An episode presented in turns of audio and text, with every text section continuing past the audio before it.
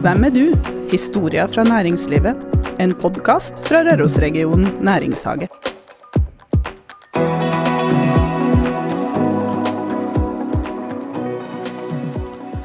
Velkommen eh, tilbake. Nye lyttere, lyttere som har fulgt oss en stund. Det er juni, og jeg har sett humla surre. Men humla surrer ikke her på der vi er, for her skal det jobbes igjen med podkast. Og i dag så har Rørosregionen næringshage to gjester. Det er en duo. Begge er kvinner, og de er søstre. Hvem de er, skal du få høre om en liten stund. Men aller først til Kristin. En kort info. Hvorfor i all verden gjør Næringshagen dette? Eh, vi gjør jo det her for at eh, næringslivet skal bli bedre kjent eh, med hverandre. Hvis vi vet litt mer om hverandre, så kanskje vi senker terskelen for å samhandle litt mer. Og jeg tror vi må samhandle mer fremover om flere ting for å nå målene våre. Ja. Sånn er det. Og Røros kommune er, eh, den er ikke veldig stor. Vi er ikke veldig mange heller. Men den har noen sånne små småsentre. Og Brekken er et senter, på sett og vis, selv om det kanskje ikke er like mye senter som det var for 50 år siden, da landbruket var en helt annen verden. Men eh, vi har her da Ann-Sofie og Oda-Marie. Og Ann-Sofie, hvor jobber du hen? Jeg jobber i Volldalen, som også var et senter for, eh, for en sånn 50-60 år siden. Ja, tenk på det. Eh, tenk på det. Der uh, ramla det inn masse kroner og masse liv. Var det, det var bestefaren din? Ja, og oldefar. Og oldefar? Jeg har hørt at de en gang i uken fylte kontanter i en bil og kjørte til banken. Stemmer. Er det sant? Ja. De ble aldri rana? Altså, nei, for de hadde, de hadde en bil som kjørte først, som liksom var bilen Og så hadde de en sånn Hva, skal jeg, hva heter det? Sånn uh, Vakt, ja. ja var det Ja. skilt på den? Nei, men de hadde, de Pengebil hadde en bil bak som, uh, som der pengene lå. Og så kjørte de sin egen først. Sånn at uh, hvis de ble rana, så var sannsynligheten for at de rana bilen som de kjente først. Da. Mm. Lokkedue. Ja, Det var det jeg var ute etter. Ja. Og Oda Marie, hvor jobber du hen? Jeg jobber i Vollan, ja. Men du jobber et sted til som heter faktisk har et eget navn. Ja, jeg har òg Skottgården, eh, som både boplass og enkeltmannsforetak, eh, som vi òg da driver sammen med Volldalen. Hva er Volldalen Skottgården? Det er kaos i system. Nei da. Det er en familiebedrift Det er det. mm, som eh, Driver med reiseliv og Ja. Og hester og mye kultur og mm. Litt sånn I går føltes det i hvert fall veldig som hotell i særklasse. Når hele familien står oppå bord og stoler og bare kjefter på hverandre og prøver å heise opp en sånn, eh, sånn eh, hva var det? Pressending. Og bare klokka 11 ringer, klok ringer telefonen på Hei, du, vi må bare ringe en venn, sa mamma. Kan du bare komme og hjelpe oss litt? Og jeg bare OK, det her Jeg sa til hvis det hadde vært Robinson-ekspedisjon, vi hadde vært død innen dag én. altfor mye krangling. Altså, ja, altfor mange beslutningstakere på én plass, da.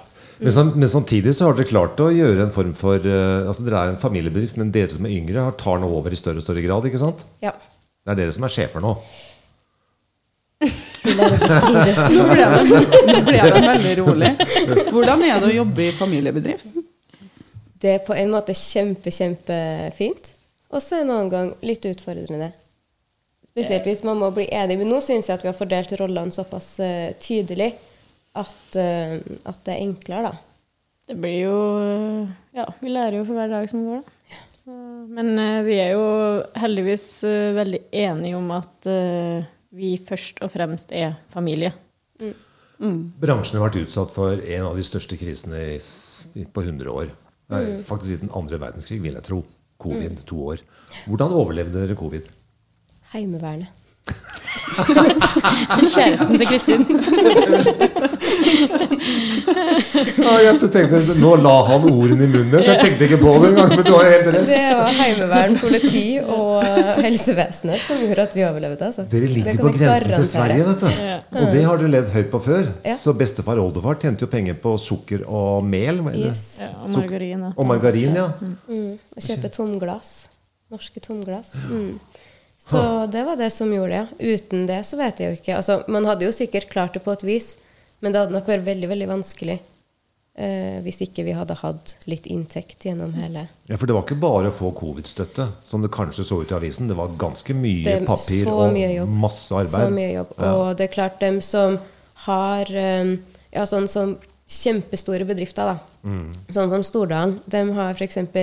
også masse jurister med på laget. De har folk som kan sitte og jobbe med det her og sette Mm. seg inn i lovverket. Hvordan kan man få ut mest mulig? Hvor kan man få støtte nå? Kjempemasse støtteordninger. Mm. Men den jobben å få støtten er jo òg en kjempestor Ja, det er en jobb. Og det er masse ting du må forplikte deg til for å få støtte fra forskjellige ting. Så det var, det var mye jobb. Så jeg var glad at de var der ja, fra Mm. på morgenen til ti på kvelden. Hvordan eh, får dere tak i ansatte for tiden? da? Det er jo full krise i reiselivsbransjen. Ja. Nei, vi, vi, men vi henvender oss jo først eh, til å sjekke hva som finnes rundt oss, da. Så vi har jo hatt litt flaks nå og fått med oss eh, ei på kjøkkenet som eh, ikke nødvendigvis er utdanna kokk, men hun bor i nærområdet og syns det er trivelig å lage mat. Så da kjører vi på. Det, Så, og det, så det er litt sånn jeg, Vi holder vel på å telte. Jeg tror, før så kjørte de jo rundt med buss og plukka opp alle gårdskjerringene. Eh, liksom, som hadde lyst til å gjøre noe annet enn å mjølke ku den dagen. Så tok jeg med dem til Volldalen, og så jobba de enten i butikk eller på eh, vaska rom eller lagde mat eller i kantine eller hva som helst. da. Og nå er det jo faktisk eh, Ja, vi er vel en fem småbarnsmødre nå òg som eh, Ja, jobber oppi der. er ja. Så, så det er litt artig, da. Så vi, så vi ser oss litt rom, rundt om hva har vi i, i liksom brekken hjerne, da. Og vil de jobbe med noen ting, hva vil de jobbe med, og prøve å legge litt til rette og sånn. Og så er de litt potet, så får vi jo til å bruke dem til det meste, liksom. Så, så må vi til utlandet, da, og få tak i når det blir sesong, da. Men hvorfor hadde dere lyst til å jobbe med det her? Dere kom jo tilbake for å jobbe i familiebedriften. Mm. Jeg tror for meg så var at uh, um, Man har jo på en måte Du får jo en fødselsgave da, når du blir født inn, om det er på en gård eller en familiebedrift, eller liksom, så får du noen ting som noen før deg har jobba veldig hardt for å få til. Og da tenkte jeg sånn Må prøve og se om man får det til. Det er klart det hadde jo vært mer komfortabelt å kanskje bodd i byen og jobba med det man har utdanna seg. Man hadde jobba mye kortere timer for mye mer penger. Men eh, jeg syns det å kunne skape noen ting og jobbe videre med det de begynte med, det tror jeg var for meg at jeg vil virkelig prøve å, å gjøre det her videre. Pluss at jeg, jeg syns det er så fint i Volldalen. Mm. Enn du da, Oda Marie? Nei, det var litt tilfeldig, egentlig. Vi har jo liksom Vi har på en måte aldri Det har aldri vært liksom sånn bestemt ja, dere kommer og tar over, og det, liksom, det har aldri vært sagt noen ting om det og sånt. Så, så når uh, Skottgården uh, skulle uh, selges, da, og de ville selge det til noen av oss i familien, så var det vel egentlig sånn at eh, jeg og samboeren min eh, vi syntes det var en god mulighet da, til å ja, skape en plass der vi ville bo, først og fremst. da. Og så var det jo mulighet da, til å bygge videre på, på det mine forfedre har bygga videre på før. Da. Så da var vel litt sånn det ble, egentlig. Mm.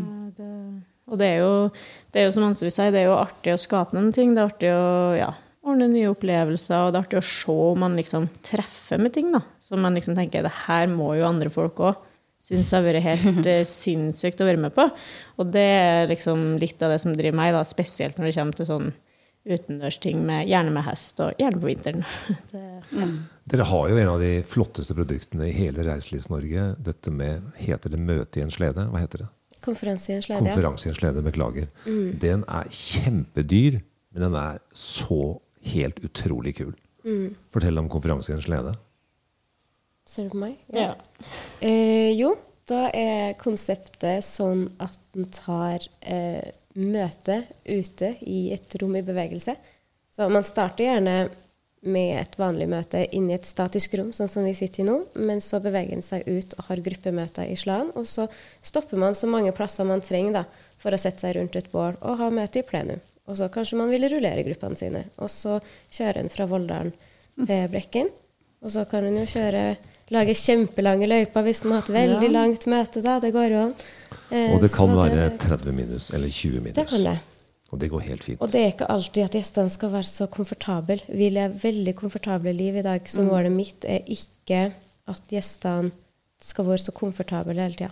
Jeg vil mye heller at folk skal kjenne litt på at 'å, herregud, det var kaldt'. 'Å, det var ikke så digg'. Og så kommer man inn og bare 'Å, men det her var skikkelig godt'. Altså liksom Få litt kontraster, jeg og få satt ting litt i perspektiv. Vi bruker jo historien vår veldig aktivt, og da er det jo på en måte å få folk til å liksom skikkelig skjønne da, at bare 'herregud, vi gjør det her for kos', liksom, men folk måtte gjøre det her hver eneste dag. Så det syns jeg er fint, da, at du liksom får satt ting litt i perspektiv for folk. Historien i Skottgården går tilbake til tidlig 1600. Ja. Sikkert før da, men det er da Ja. det er bokført. Men da bokført.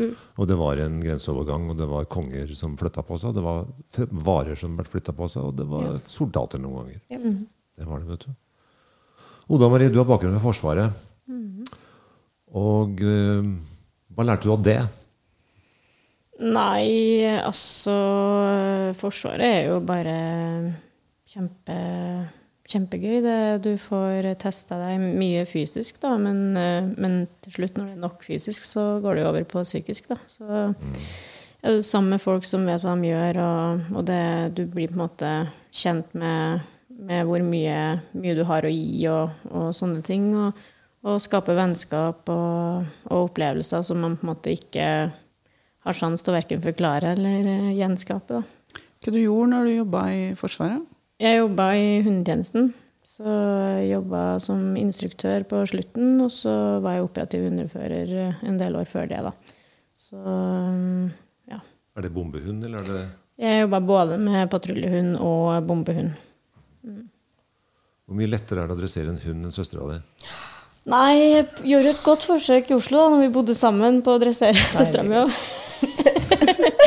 så, så Unnskyld meg, jeg var nødt. Jeg var nødt. det var veldig morsomt da jeg skrev en eksamensoppgave på eh, forsterkning og straff. Og,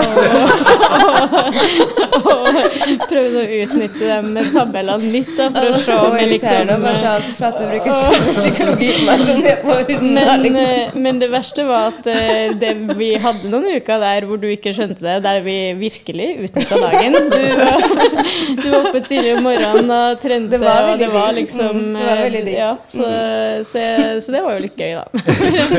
all, all sånn du Hun fikk A på den eksamen for at hun hadde så bra case study hjemme. Mm. Nei, men eh, all den eh, atferdslæringa og sånt vi har i, i hundetjenesten, det, det er jo egentlig basert på forskning på folk. Det er jo ikke liksom Det er jo det samme. Og du bruker det aktivt. Ja. Og jeg vet når du bruker det. ja. Skulle du Det- prøvd på Garn Erik? Hadde vært litt artig. ja?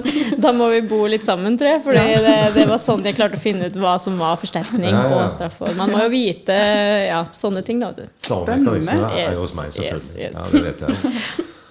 Da skifter vi samtalen. Ann-Sofie, du dro til Australia og tok utdanning der. Ja.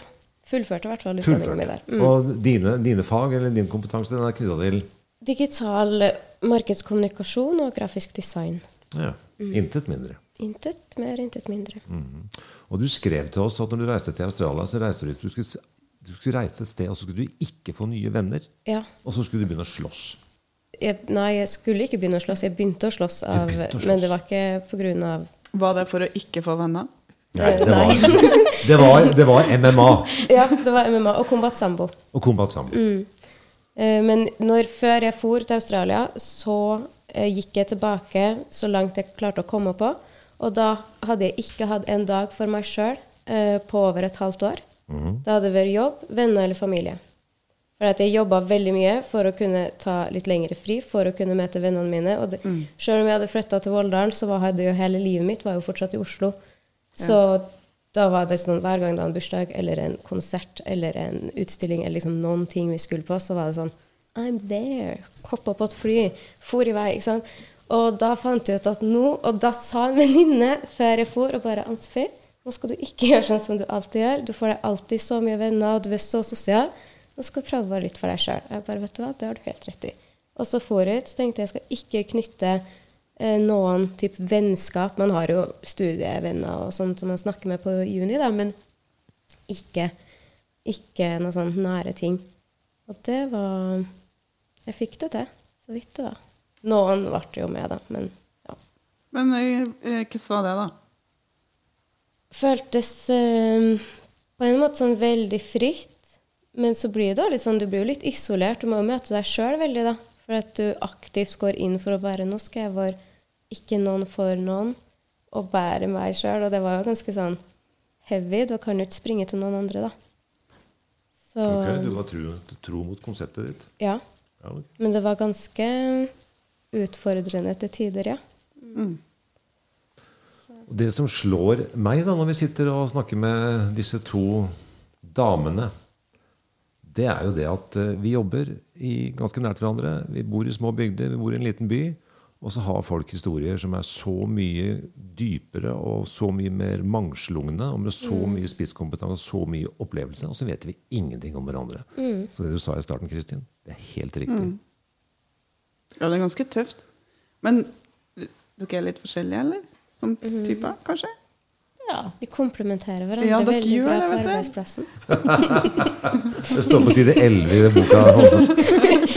How to manage an organization. Ja. Nei, men eh, det er jo sant, da. Vi har jo um, Ja, vi har ulike rutiner, ulike ønsker og liksom Ja. Jeg har jobba mye med det, og hun har jobba mye med det, og da passer det jo bra å dele opp det noe når vi kan, da. Men uh, i bunn og grunn så jobber vi jo mye sammen med de samme tingene òg. fordi det er jo fortsatt sånn i Volldalen og Skottgården at så fort det kommer en gjest, da bare smekker vi igjen dataen og låser kontoret, og alle jobber praktisk. Da er det gjestene som er i fokus. For dere er jo ganske gode på vertskap. Dere er jo liksom verdenskjent for det, mer eller mindre. Oi, oi. Ja, nei, men dere er jo det. Altså, det Ja, ikke vær beskjeden. Nei, men dere er utrolig dyktige på vertskap. Og det, da snakker dere jo og tenker en del om det, sikkert. Det er jo egentlig ganske enkelt. Jeg syns ikke vi snakker så mye om det. Ja, dere bare er sånn. da. Ja, Ja, men også er, det er det er at det har vært filosofien til bestefar og alle hele tida, at det er ikke bare et nummer i rekken. Gjestene er våre gjester, liksom. Det, det er liksom alltid det som har vært. Så det er ikke så veldig Og vi har jo skjønt nå mer og mer at uh, hvis vi skal overleve, så må vi jo ha det. Fordi det er jo derfor folk kommer. Folk kommer jo ikke for et spektakulært hotell og sånne ting. De kommer for historien og kulturen og, og vertskapet og alt de får med. da. Maten og, og sånne ting.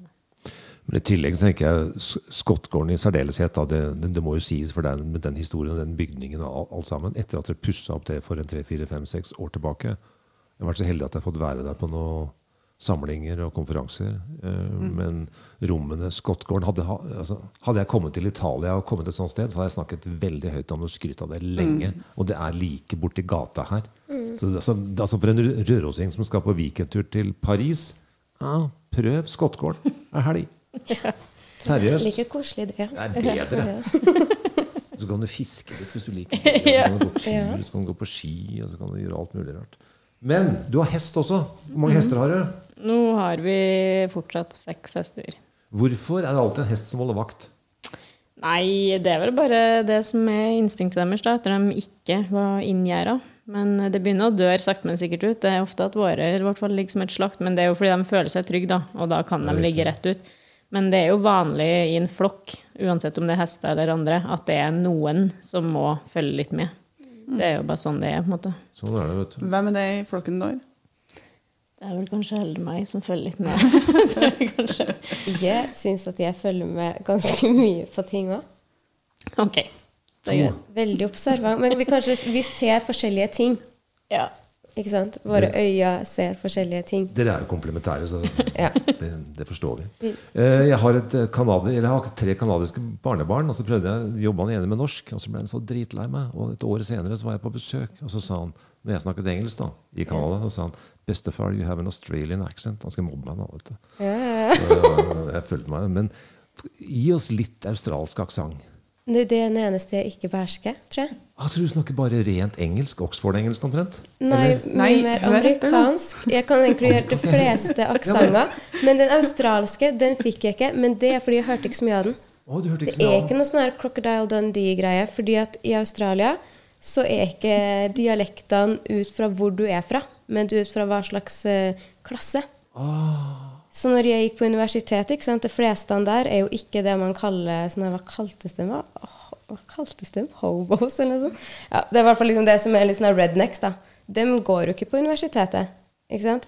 Så dem som snakker sånn her Ari mate og den der greia der, dem finner du på en måte ikke der.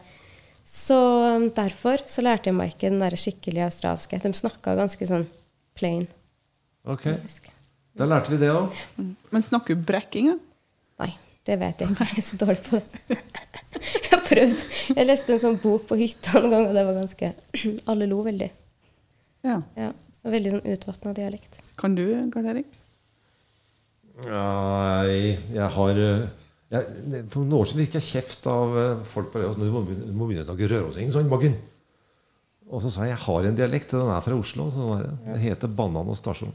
Det må jeg bare leve med. Enn du, Kristin?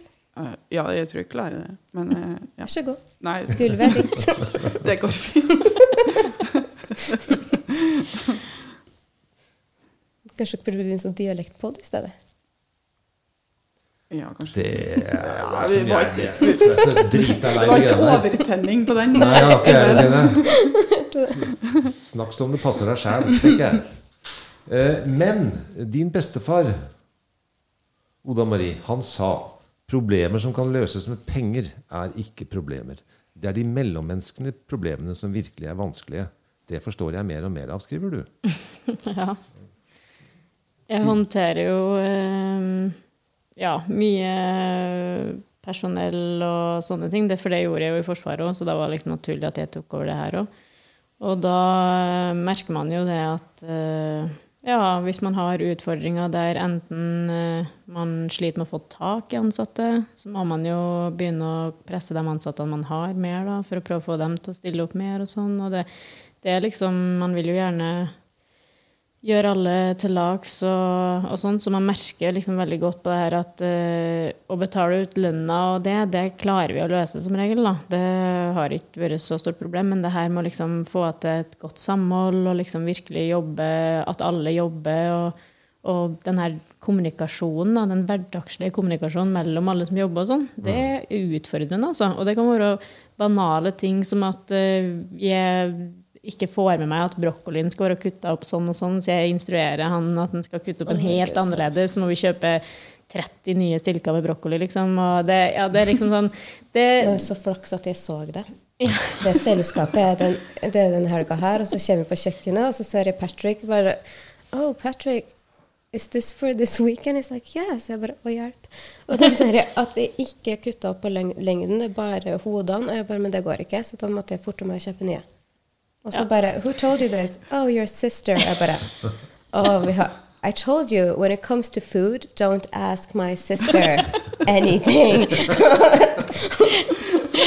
Og but yes, you told me before, I'm sorry.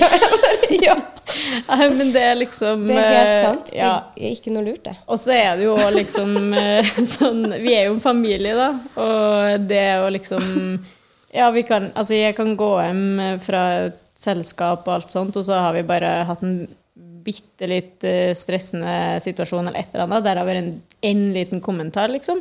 Og det liksom påvirker folk så forskjellig, da. Det er liksom mange ganger jeg har liksom sagt til Ansve bare Jeg må bare si unnskyld for det der, og liksom, og jeg har tenkt på det helt siden da. Liksom Ansve bare sånn Å, herregud, det tenkte jeg ikke på engang. Det er liksom sånn det, det er sånn at det er noen ting i det han sier, da. Fordi sjøl om Det er ikke som at vi det økonomiske i Volldalen, det er jo ikke akkurat eh, på topp, det heller. Men det klarer vi som regel alltid å løse.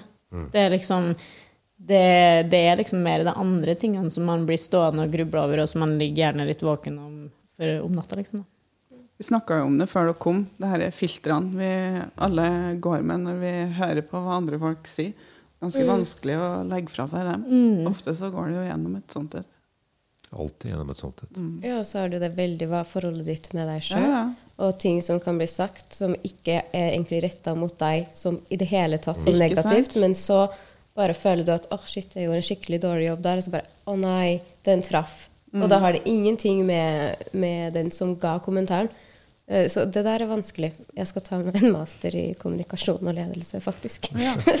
Fordi kommunikasjon og samspill er kjempeutfordrende. Ja, det er det. Eh, Så rart. Vi snakker samme språk, men det betyr ikke at man skjønner hverandre. Det er en- Den enkleste metodikken er å være veldig rollebevisst. Men det er Mm. slitsomt over tid. Jeg husker ikke helt forholdet, men er det ikke sånn at det faktiske ordet, det er 30% eller noe sånt. Ja, det er veldig og liten del av 70% er alt det andre. Kroppsspråk, eh, lukt, lyd. Ja. Jeg kjenner vibben din. Ok. Den er sterk. Vi må snakke om mat. Dere hadde for tre år siden en finsk kokk. Ja, stemmer. Han lagde verdens, den beste siken jeg har spist i hele mitt liv. Han, men dere, Folk går gjennom og ut og inn og fram og tilbake, og sånn er jo denne bransjen. Men dere er ekstremt opptatt av lokalmat. Og dere har Jeg har spist lunsjbordet i Volldalen. Jeg har konfirmert alle mine sønner i Volldalen, faktisk. Ja, det har du. Med vilje. Det har vært trivelig hver gang. Syns vi òg. Men uh, mat, få høre. Matfilosofi. Råvaretilgang. Oh, vi har jo så mange gode produsenter Uh, Vi nevner i i nærområdet. Vi nevner i fleng. Stensås. de, har, uh, dem har vært med lenge. Jeg tror nok at nesten ganske sikker på at både brekkjerringene og mamma er en stor grunn for at de syr kjøttrull og lager surpølse og grovpølse og alle sånne ting da, som holdt på å bli borte fra, fra matbordene.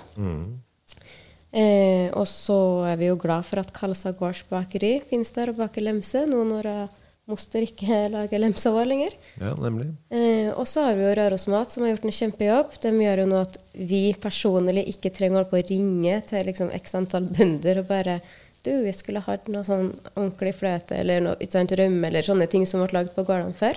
Så vi kjempe, setter så pris på at de finnes og gjør ting lett tilgjengelig. da. Masse fine oster i området.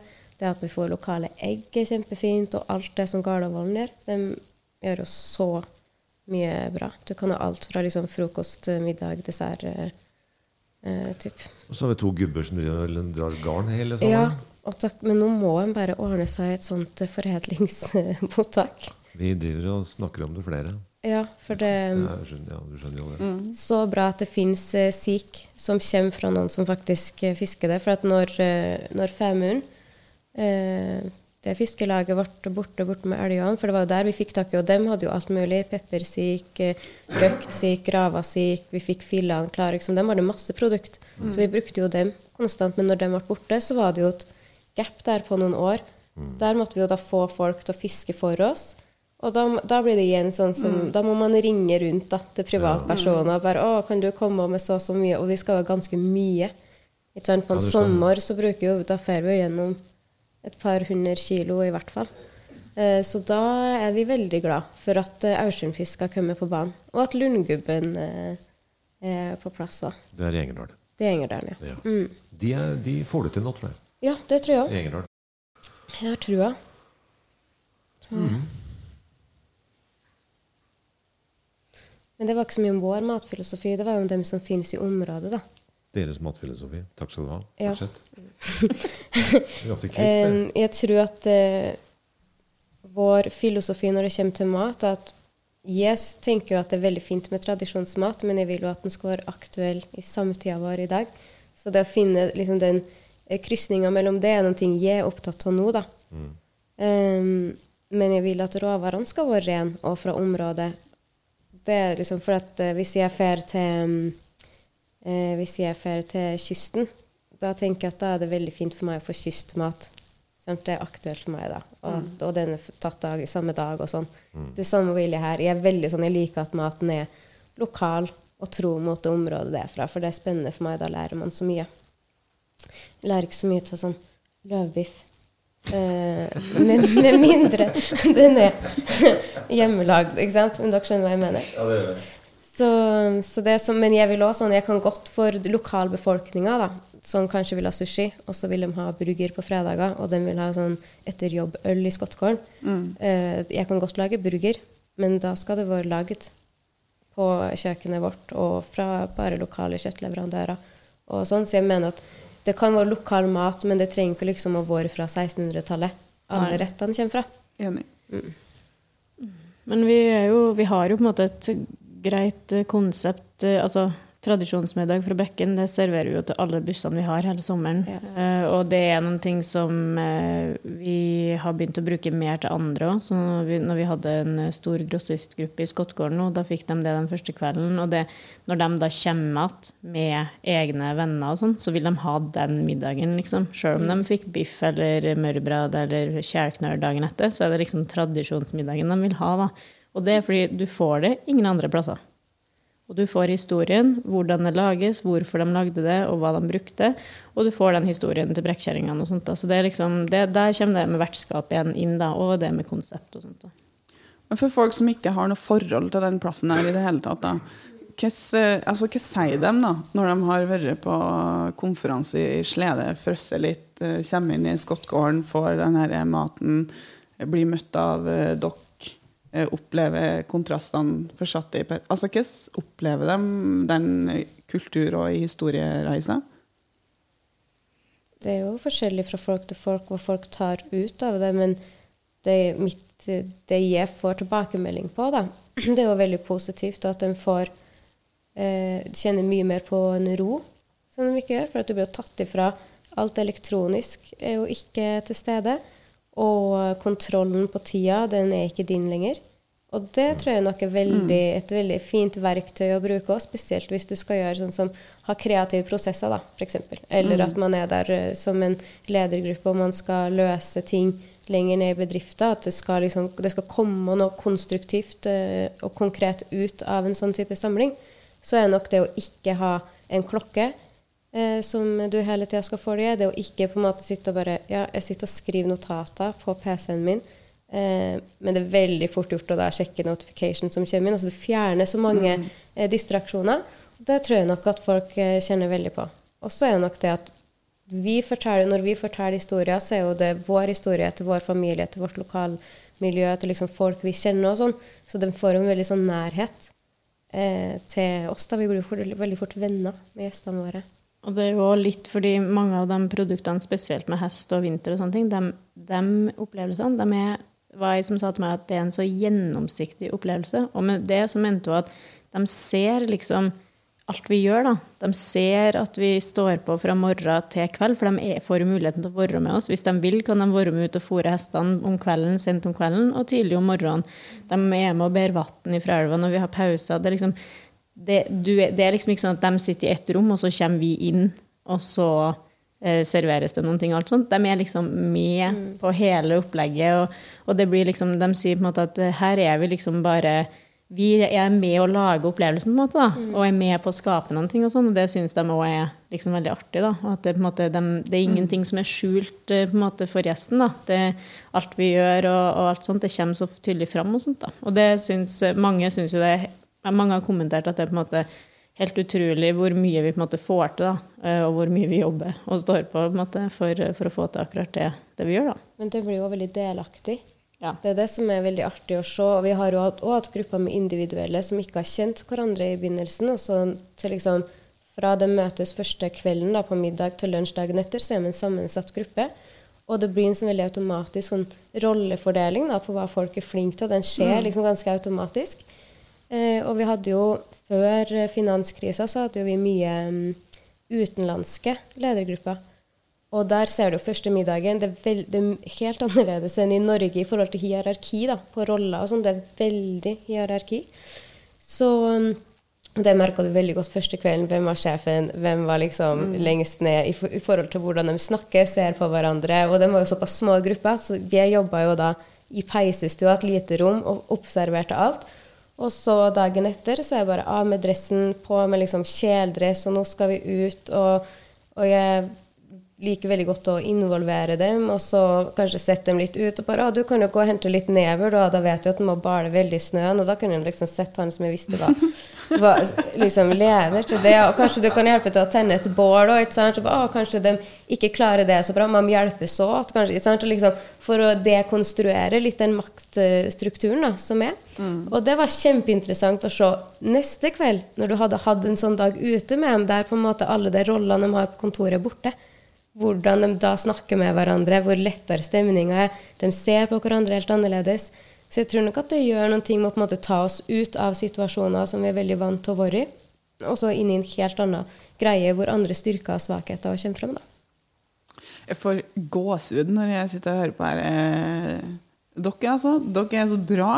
Ja. ja. Jeg får akkurat samme greia. Jeg tenker ja. Herre Jesus. Hvor mange lokale virksomheter bruker dere til eh, konferanser og ledersamlinger og utviklingsarbeid? For, for få. Ja, Ja. De, de vet ikke, vet du. det er ikke så mange, det nå. Sitte og høre på dere nå, det er veldig imponerende. Har du Det må jeg si.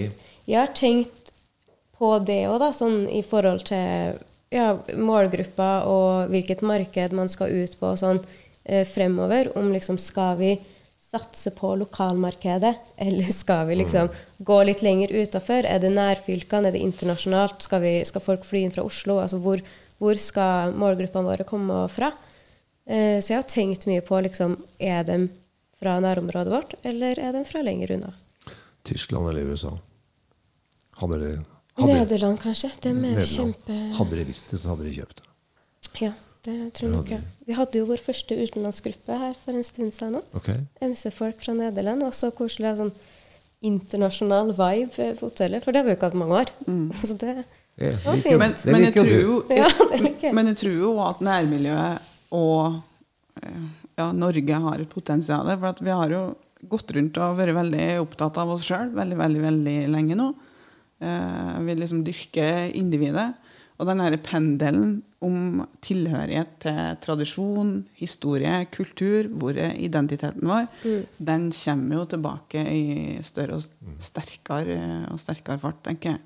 Men det vi merka veldig godt da, under, under covid og når det starta, det var jo at altså lokalbefolkninga, altså spesielt brekkinger og, og plasser som hadde brekkinger som jobba der og sånn, vi hadde så mye julebord, vi, som bare lokale, og da mista vi jo alt det, det som var fra lenger utafor, men de var kjempeflinke til å bruke oss. Jeg Ja. tror hun ene av Brit var der sånn tre ganger på julebordet eller noe sånt. Jeg tror bare jeg skal ta fisk i dag, for jeg skal hit i morgen. Jeg. liksom. så, så det var veldig fint.